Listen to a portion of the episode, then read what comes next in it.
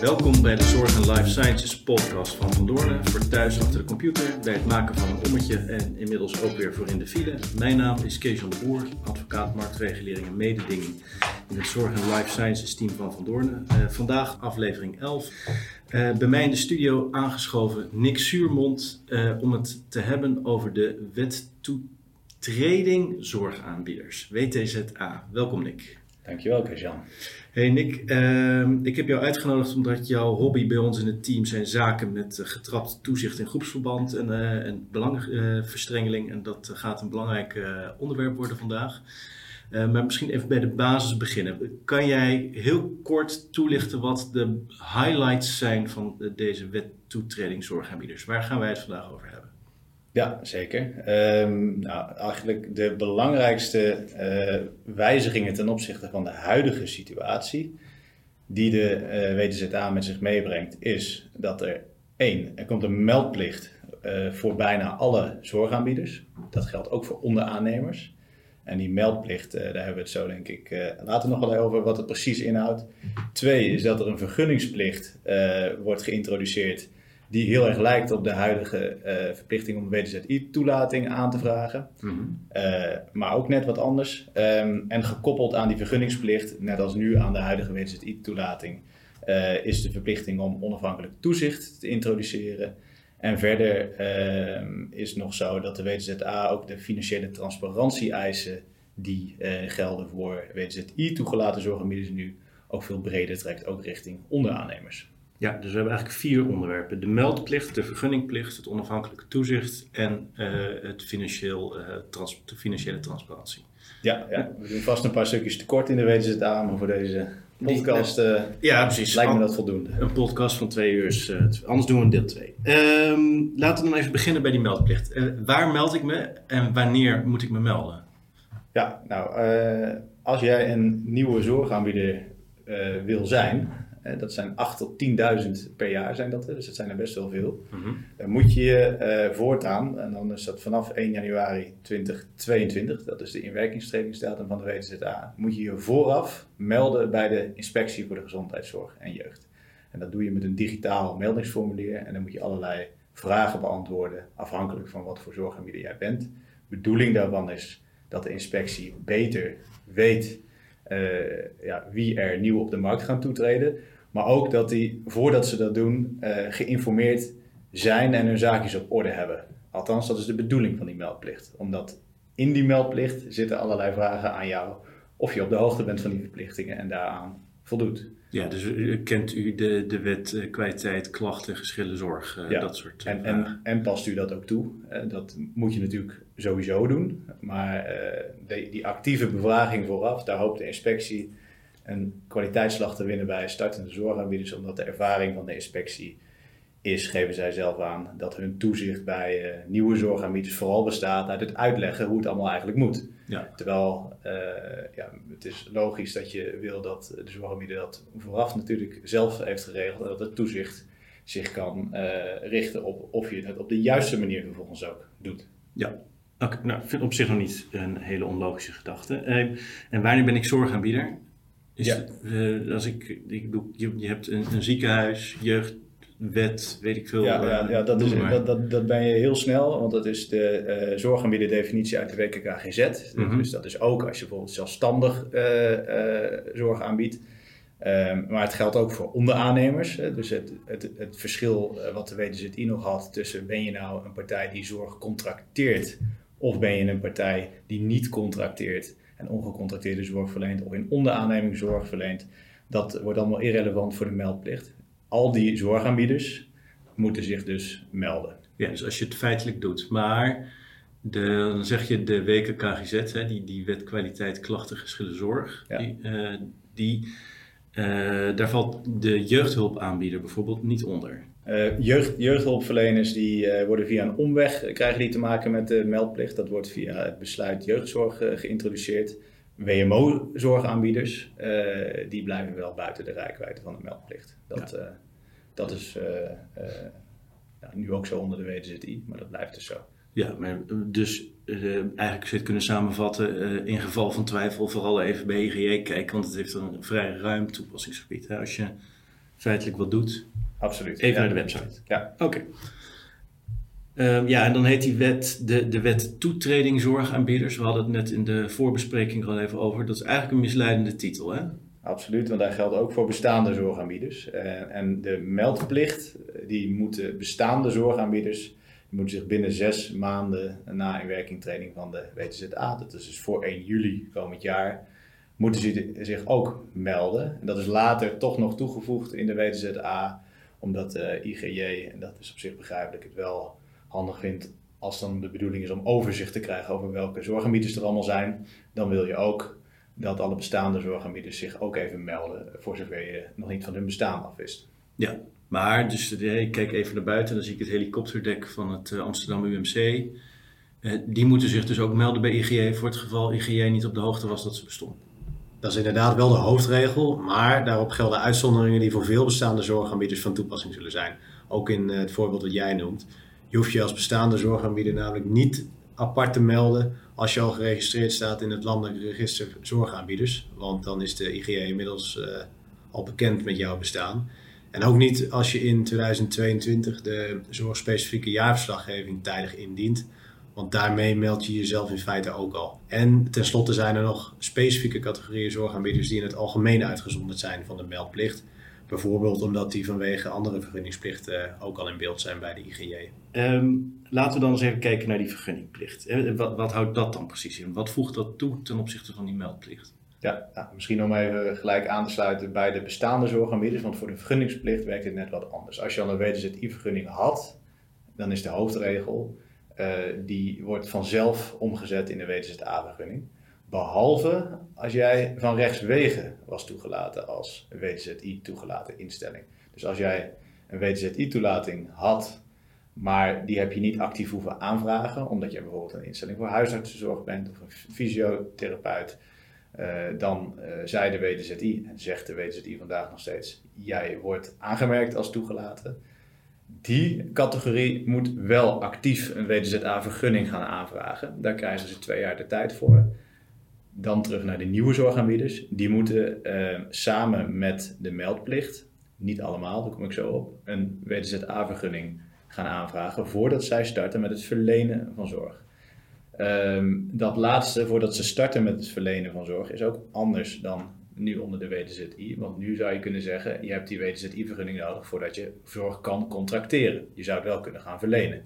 Ja. Uh, maar uh, dat declaratie kan nog niet de deur uit. Precies, precies. Ja. Maar dat, dat werkt dus onder de WTZA anders. Wie hebben dan uh, een vergunningsplicht onder de WTZA? Dat is wel iets minder streng dan de meldplicht. Um, alle instellingen die medisch specialistische zorg verlenen, hebben een vergunningsplicht. En die hebben op dit moment ook de verplichting tot het vragen van de WTZI, het aanvragen van en het hebben van de WTZI-toelating. En uh, zorgaanbieders die door meer dan 10 personen andere zorg dan medisch specialistische zorg verlenen, die hebben ook een vergunningsplicht. Als ik probeer samen te pakken, hè, als je een uh, medisch specialistische zorg verleent, gewoon altijd een vergunning aanvragen. Ieder ander die moet, nou pak een beetje 10 zorgverleners hebben uh, om een vergunningplicht te hebben. En als je dus een heel kleintje bent, voldoe je daar niet aan. En, en wanneer heb ik 10 zorgverleners? Ja, die, die, die tien, hè, die moet je zien als uh, tien, dat is niet 10 FTE, maar dat zijn echt poppetjes. Uh, verder telt ook mee degene die jij in de onderaanneming van jou zorg laat verlenen. Dus je, moet, je moet daar wel, dat moet je ook ruim interpreteren. Dus daar is vrij snel sprake van. Ja, dus je schakelt een, een onderaannemer in en je hebt dat nul uren contract, dan gaat de teller hard lopen. Ja, dat, ja. ja klopt. Oké. Okay. Uh, ja, dus de praktijktip daar denk ik, uh, wees scherp, want uh, je gaat maar zo de grens over. Ja. Alright, en laten we dan eens eventjes naar de specialiteit van het huis gaan. Onafhankelijk toezicht. Hè? Dat, dat klinkt alsof er weer iets heel nieuws is, maar dat is het volgens mij niet. Nee, nee, nee zeker niet. Het is um, de, de, de eis om onafhankelijk toezicht te hebben, die, nou, die die geldt uh, voor de meeste WZI toegelaten instellingen. Uh, op dit moment uh, voor instellingen voor medisch specialistische zorg sowieso. En verder, eh, kort gezegd, als je door meer dan 50 eh, eh, zorgverleners zorg doet verlenen, die gaat gelden ehm, voor eh WTZA-vergunningsplichtigen. Behalve als jij in de regel eh, medisch specialistische zorg voor minder dan 10 personen. Dus de kleine medisch specialistische zorgverleners, die hoeven daar niet aan te voldoen. Alle andere WTZA-vergunningsplichtige zorgaanbieders, die moeten straks kort gezegd hetzelfde onafhankelijk toezicht eh, hebben als nu. Daar is wel eh, in de aanloop naar de WTZA eh, nogal wat onduidelijkheid over gezaaid door de consultatieversie van het uitvoeringsbesluit. Want wat je in de praktijk vaak ziet, is dat eh, wat grotere zorgconcerns bestaan uit verschillende rechtspersonen. En die hebben heel vaak eh, bovenin de structuur groepsbestuur en groepstoezicht. En dus eigenlijk één raad van bestuur, één raad van toezicht, die toezicht houdt over de hele groep.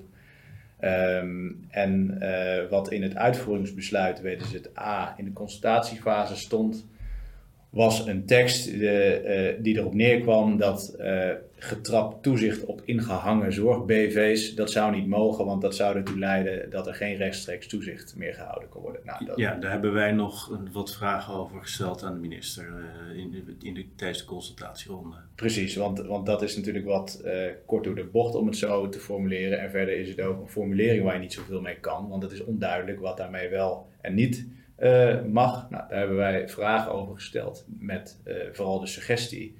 Eh, het moet gaan om kwaliteit van toezicht, rechtstreeks toezicht moet er zijn. Maar laat het nou alsjeblieft aan het veld om de juridische vormgeving daarvan eh, in te richten zoals het past binnen de governance van die groep. Ja, dat sluit ook aan bij de laatste governance code die helemaal principes formuleert, maar niet meer voorschrijft, je moet het zo en zo doen. Dat is, Absoluut. Ja. De, de doelstellingen van de wetgever zelf is ook afvinkgedrag voorkomen, zoals, zoals ze dat zelf mooi noemen. Ehm, maar eh, de wetgever heeft duidelijkheid geprobeerd te geven door de passage gewoon in het geheel te schrappen, maar daarbij te vermelden dat de bedoeling wel hetzelfde blijft. dus is nu duidelijk hoe we het in groepsverband gaan doen? Voor ons wel, want ons standpunt eh, is dat het moet gaan om rechtstreeks toezicht. Mhm. En je kan rechtstreeks toezicht houden in een groepsstructuur. Dus dat moet je wel goed inregelen. Ehm, maar eh, in, zoals het doorgaans eh, is geregeld, dat dus eh, bovenin een structuur raad van bestuur en raad van toezicht zit gepositioneerd. En die moederstichting, dat dat dan vaak is, is bestuurder van al die dochtermaatschappijen. Dan is de raad van bestuur van die moederstichting, die is gewoon in de praktijk ook de raad van bestuur van al die dochtervennootschappen. Want zij vertegenwoordigt de rechtspersoon en daar wordt gewoon direct toezicht op gehouden door de raad van toezicht. Dat zijn dezelfde personen die met elkaar aan tafel zitten. Dus op die manier is gewoon sprake van rechtstreeks toezicht. eh, als je het natuurlijk wel in de praktijk ook naleeft. Dus dat is van belang eh, om, om, eh, om natuurlijk altijd in het achterhoofd te houden naast de juridische vormgeving daarvan. Wat eh, naar onze mening, wanneer minder sprake is van rechtstreeks toezicht, waar, waar het de vraag is of je nog aan de WTZA voldoet, nu dat rechtstreekse toezicht daar zo letterlijk eh in genoemd wordt, Mhm.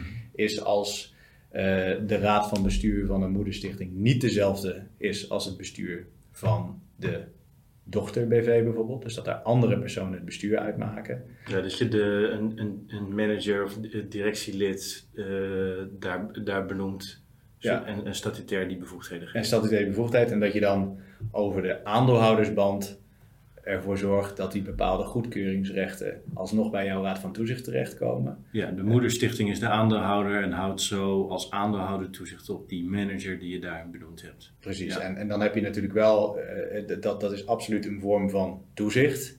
Maar eh, dat is wel aan de passieve kant van het toezicht. Want wanneer bereikt informatie jou op een passieve wijze wanneer je tegen goedkeuringsrechten aanloopt? Terwijl voor rechtstreeks toezicht zouden wij zeggen, is ook gewoon die, die, die actieve interactie nodig tussen raad van bestuur en raad van toezicht. En eh, daar zit dan dus wel een trap tussen als jij daar met verschillende besturen werkt. Dus wat ons betreft, eh, als jij eh, dus eenheid van bestuur hebt in de groep, op welke manier je dat ook vormgeeft, Ja. en de raad van toezicht houdt toezicht op dat bestuur, dan zit je gewoon goed met de juiste statutaire waarborgen. Ja, en, en is dat nou nieuw? Kon da- kan dat nu nog onder de WTZI en de governance code? Zegt de WTZA, die, nee, daar zet ik een streep, ik zet een streep eh, bij dat rechtstreeks toezicht. En die wat meer indirecte variant, die, die, die kan straks niet meer, maar nu nog wel? Nou, het, het, eh, het, het, kan nu ook al. Dus in, in die zin wijzigt er eigenlijk niks, zo zou je het ook kunnen zeggen. Wel, eh, die focus op dat rechtstreekse toezicht, dat, dat maakt wel dat waar je nu eh, nog zou kunnen zeggen dat je over die aandeelhoudersband nog WTZI-toezicht zou kunnen inregelen, omdat je strikt genomen die goedkeuringsrechten bij de Raad van Toezicht terecht krijgt, Mhm. dat dat onder de WTZA wel echt onvoldoende is, waar je nu nog in de WTZI zou kunnen zeggen van nou, je voldoet aan de WTZI, maar je moet je natuurlijk altijd afvragen, vooral als Raad van Toezicht, ben ik in staat om effectief toezicht te houden op eh, het bestuur van die dochtervennootschap? dat is de belangrijke vraag. Ja. Eh, En die zou je misschien nu al wel moeten beantwoorden met nee. ja, En in, eh, met name, het hangt natuurlijk van, je zegt natuurlijk ook, het moet in de praktijk goed ingeregeld zijn. Het gaat om de kwaliteit. Zeker, want kijk, als, als, je, als je toch allerlei eh, extra waarborgen eh, incorporeert in je structuur, dat er toch directe lijnen zijn tussen die andere raad van bestuur beneden en de raad van toezicht boven, hè, dan, nou, dan kan je best een betoog ophouden dat er wel weer sprake is van rechtstreeks toezicht. En als die informatierechten actief zijn en informatieverplichtingen actief zijn, dan, eh, nou, dan, dan, dan zou je ook wel het argument kunnen ophouden dat die aandeelhoudersband wel zou kunnen, maar hij ligt wel onder een vergrootglas. Nou, Oké, dus het- de, de, introductie van de WTZA is op zich voor de, de, de zorgaanbieders die met een groepstructuur werken ook gewoon echt een goed moment om zowel de juridische als praktische invulling van dat toezicht tot ons een keer tegen het licht te houden. Absoluut. Maar waar, waarbij we het ook niet groter moeten maken dan het is. Want de meeste eh, groepsstructuren die werken gewoon met groepsbestuur en groepstoezicht. Allemaal uniform. En dat mag kort gezegd gewoon onder de WTZA zo blijven. Ja, oké, helder. Hey, en ehm, een ander element wat, eh, wat ik me herinner toen wij binnen die consultatievragen hebben gesteld, is dat de minister het in de stukken nu dan heeft over een lege huls. Ja, En die lege huls, die moet ook een ver- een vergunning aanvragen onder omstandigheden. Kun je daar misschien wat meer over vertellen? Ja zeker. Lege huls is ook zo'n begrip wat, wat dan eh, is geïntroduceerd, maar niet wordt gedefinieerd wat dat dan is. Ehm, wat, eh, eh, waar de lege huls eigenlijk aan, aan, aan de orde komt, is ehm, er geldt geen vergunningsplicht voor onderaannemers die in het kader van een andere zorginstelling zorg verlenen. Ja. Het is nog iets langer en ingewikkelder geformuleerd in de WTZA. Maar als jij dus een onderaannemer bent van een andere zorgaanbieder, even zo gezegd, Ja, je doet de dagbesteding voor een verpleeghuis, je bent eh, MSB voor een ziekenhuis. Dat zijn allemaal onderaannemers die een deel Ja. van het grotere geheel doen. precies, een deel van het grote geheel, die hebben dus wel een meldplicht, om die nog even terug te pakken. Ja, de onderaannemers. De ja. onderaannemers. Ja, en maar, de hoofdaannemers ook. Ja. maar niet een vergunningsplicht, behalve als de hoofdaannemer een zogeheten lege huls is. In dat geval heeft de onderaannemer ook een zelfstandige vergunningsplicht. En de hoofdaannemer ook, dus allebei. Lege huls en onderaannemer allebei naar IGE voor een vergunning. Klopt. En dus ook eh, eh, voor het eh, instellen van onafhankelijk toezicht. Dus dan, dan heeft die onderaannemer een zelfstandige verplichting tot het instellen van onafhankelijk toezicht conform de WTZA. Want die moet dus aan de WTZA-vergunningseisen voldoen. Ja, oké. En dan is de hamvraag natuurlijk, wanneer ben ik een lege huls? Ja, ja, ja. en dat is, eh, eh, je, je bent in ieder geval een lege huls, eh, zegt de toelichting, als, als zeg maar alle zorg wordt uitbesteed aan, aan, aan anderen. Dus je, je, je verleent zelf geen zorg. Maar de vraag is, ehm, Nee, de, de, de, de, le- er leveren heel veel mensen in Nederland geen zorg. Er zal iets meer die- Ik neem aan dat het gaat om degene die de zorg contracteert met de zorgverzekeraar of zorgkantoor. En Absoluut, dat ja. lokstok doorzet naar iemand ja, ja, precies. Dus, dus een, een, een rechtspersoon die gewoon alle zorg die die contracteert in onderaanneming uitbesteedt aan een andere rechtspersoon, zoals in de ZBC-structuren vaak het geval is. Ja. Eh, die wordt getypeerd onder de WTZA als een lege huls. En daar moet dus zowel de hoofdaannemer, die contractant, als de onderaannemer over een WTZA-vergunning beschikken. Maar ehm, Het is de vraag als, kijk, als je alles, al, al- alles doorzet zonder inhoudelijke rol, dus is echt een contracteervehikel, daar is het in ieder geval voor bedoeld.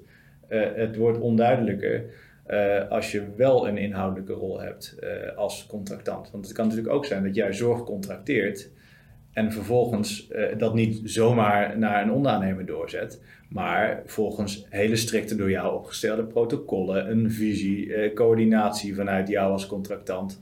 Dus dat je echt Ja, wel een inhoudelijke rol speelt, coördinerend misschien bij die zorgverlening. Maar wij zijn geneigd om, om te zeggen dat je dan niet een lege huls bent.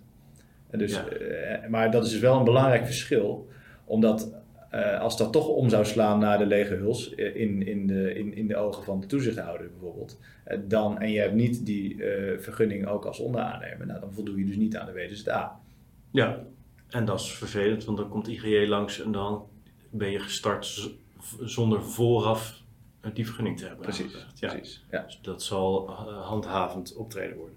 Ja. Oké, dus daar zal de praktijk wat, misschien wat, eh, wat duidelijkheid moeten geven. Maar ehm, Ja, en, en, het is, en het is daarnaast, eh, is het natuurlijk lo- los van de WTZA, is het ook de vraag, eh, als jij dus onafhankelijk toezichthouder bent van zo'n contracterende wel of niet lege huls, wil je dan niet sowieso eigenlijk dat er toezicht is op die, eh, op die onderaannemer.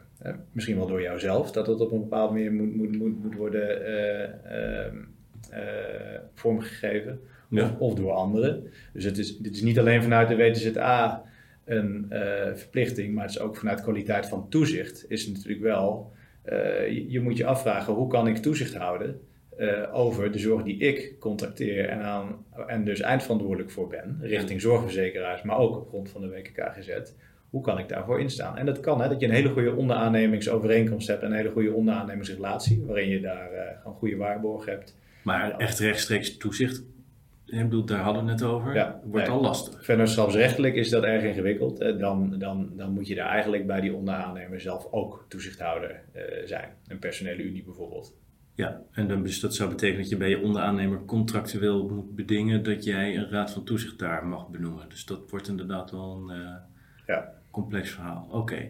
En eh, in het verlengde daarvan, hè, zit ik even na te denken, die, eh, je noemde die ZBC-constructie. Wat gebeurt er met die WTZI? Want dat verbod op winstoogmerk is nu verbonden aan die WTZI-toelating. Ja. Als we straks die lege huls en de onderaannemer een WTZA-vergunning hebben, vallen die dan straks allebei onder het verbod op winstoogmerk?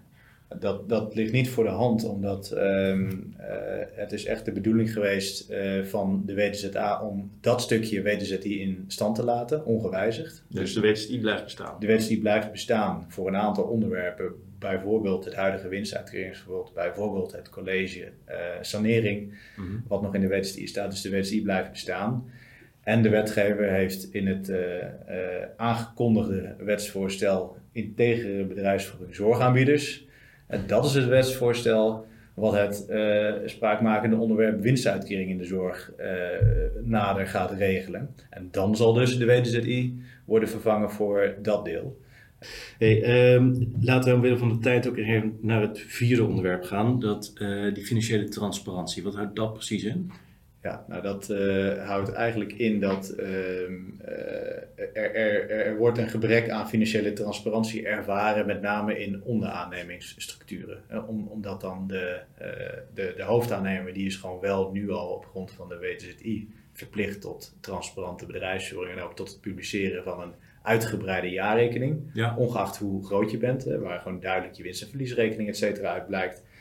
Ehm, maar dat inzicht houdt op eh, eh, eh, vanaf het moment dat de onderaannemer ermee verder gaat. Dus wa- wat, wat de daadwerkelijke marge bijvoorbeeld is op zorg die wordt verleend door de feitelijk zorgverlener, is vaak niet inzichtelijk, omdat dat in de, jaarreken- in de, in de standaard jaarrekeningsverplichtingen van een onderaannemer je niet zulke details hoeft te publiceren.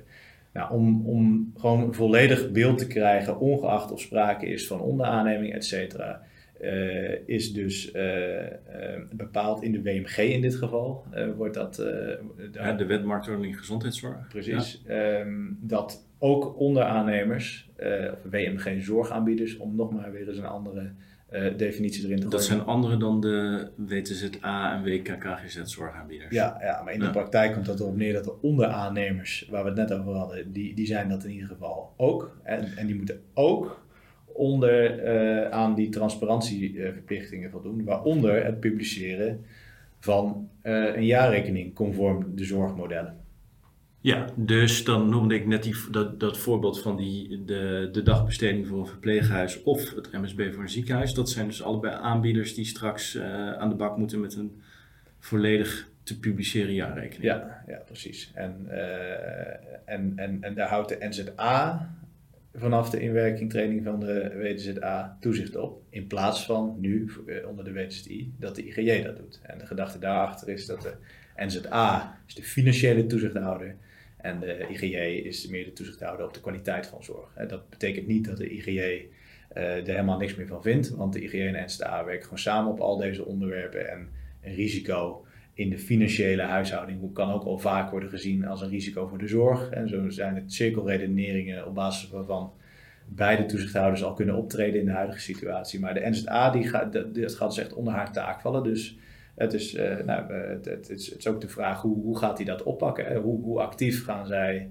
eh, en overigens ook het winstuitkeringsverbod gaat dus ook gehandhaafd worden door de NZA in plaats van door de eh, IGJ nu. Maar eh, als ik het zo probeer voor mezelf samen te vatten, dan blijft er voor de, in geval voor de hoofdaannemers, eh, verandert er onder de WTZA niet zo gek veel. Hè. Ze kunnen misschien wat vinden van het rechtstreeks toezicht. En is het vooral een eh, nou ja, lastenverzwaring is misschien te zwaar, maar er komen wel meer regels voor onderaannemers bij. Ja, eh, ja. Die, die lijken op wat, het kader wat we nu al hebben. Ja. Eh, en als je nu werkt, hè, je bent bestuurder, toezichthouder, bestuurssecretaris of jurist bij een, een, een, een zorgaanbieder, betekent dat aan, hè, die meldplicht die hadden we al even bij de kop, maar moet je nou aan de slag met je statuten, reglementen door de inwerkingtreding van de WTZA of is dat geen prioriteit voor dit najaar? Eh, eh, ja, ze moeten sowieso compliant zijn. Maar eh, afhankelijk van hoe compliant je op dit moment al bent met huidige wet en regelgeving, is de vraag hoe groot de veranderingen zijn. De, de, de WTZA vraagt wel een aantal wijzigingen in je statuten ten opzichte van de huidige volledig compliant situatie. Maar die zijn niet heel materieel, eerlijk gezegd. Maar het is, Noem eens een voorbeeld. Nou, bijvoorbeeld de, de, de eisen die worden gesteld eh, aan de onafhankelijkheid van de Raad van Toezicht. Hè. Mhm. Dus eh, wie mag eigenlijk geen toezichthouder zijn? Eh, bijvoorbeeld een persoon die aandelen houdt in, in, in, in de zorginstellingen. Dat is allemaal net wat anders geformuleerd dan de eisen die nu daaraan worden gesteld. Het verschil is alleen dat ze nu ook een wettelijke basis hebben. Eh, waar het eerst met name het uitvoeringsbeleid van het CBG was en de governance code die hier eh, invulling aan, gaf. Maar het, het, komt grotendeels op hetzelfde neer. Maar bijvoorbeeld ook, de WTA bepaalt ook dat, dat de Raad van Bestuur jaarlijks de Raad van Toezicht bepaalde informatie verschaft. Dus dat is op zich natuurlijk een hele logische Ja, je mag hopen dat dat gebeurt. verplichting dat dat, dat dat sowieso al gebeurt, maar er zijn een aantal punten echt geconcretiseerd, strategisch beleid, eh, plan, et cetera. Eh, nou, dat, dat, dat zijn wel zaken die je in principe wel in je statuten wil hebben bij de relevante bepalingen die daar al over gaan. Eh, dus het, het, het, het vergt een update van je statuten. Ehm, maar voor veel zorgaanbieders eh, zullen het geen hele grote verandering zijn. Een ander voorbeeld is dat de WZA verplicht ook tot een minimum van drie toezichthouders. Eh, nou, heel veel zorginstellingen hebben dat al in hun statuten staan. Maar dat soort dingetjes, dat, dat, dat is wel logisch om dat dan ook eh, gelijk aan te passen. Ja, dus er, gaat niks veranderen, maar het kan zijn dat je nitty-gritty tekst eh, in, in de statuten of reglement op een moment moet gaan aanpassen de komende jaren. Absoluut, maar in dat verband, eh, eh, 1, 1 januari 2022 treedt de WTSDA in werking. En het, het ziet ernaar uit dat dan voor de bestaande zorgaanbieders, dat er geen overgangsrecht geldt voor de, voor de update van je statuten. Dus in principe moeten die gewoon eh, in lijn zijn met de WTZA. Ehm, en eh, het is ook een belangrijke deadline voor de eh, vereisten van het VPB-zorgbesluit. Eh, Dat is vorig jaar is, die, is, is één jaartje uitstel verleend. Dat was eigenlijk was dat 31 december vorig jaar dat je daar aan moest voldoen. Dat is nu naar 31 december dit jaar. Verder is ook nog de wet bestuur en toezicht rechtspersonen Eh 1 juli treedt die in werking. Dus er, zijn, er is wel allerlei wetgeving eh, waar je statuten mogelijk nog niet aan voldoen. Veel zorgaanbieders hebben daar op in- al op ingespeeld. Ja, wij hebben natuurlijk eh, de, onze klanten benaderd. Die Ja. zijn compliant, durven, dat durven we wel te zeggen hier, toch? Nou, die, die zijn in ieder geval daarover benaderd. En, en, Als ze mee hebben gedaan, zijn ze compliant. En, en bij veel was het natuurlijk niet de hoogste prioriteit in de coronatijden. En dat is natuurlijk ook de reden geweest eh, dat er een jaar uitstel uiteindelijk toch is verleend door de Belastingdienst. Maar die VPP-zorgvrijstelling, dat wil je echt niet. eh, daar wil je geen risico's mee lopen. Dus dat is een harde grens eind dit jaar. En als je dan toch je statuten gaat wijzigen, eh, ja, dan neem je natuurlijk Even Alles mee. Ja. Oké, dus de, de praktijktip voor dit jaar is: kom gewoon eens koffie drinken. Ja. Ehm, daar heb ik denk ik, er, er is nog een andere goede reden om bij ons koffie te komen drinken. Want bij eh, de drukker ligt op dit moment de tekst en toelichting die wij hebben geschreven bij de WTZA. Dus die komt in fysieke vorm beschikbaar. Ehm, en eh, nou ja, koffie drinken bij ons betekent dus ook dat je een mooi boekje kan komen ophalen. Dus eh, die komt beschikbaar voor al onze klanten. Ehm, dank voor deze toelichting, Nick. graag gedaan. Verder met aflevering 12. Eh, tot de volgende keer.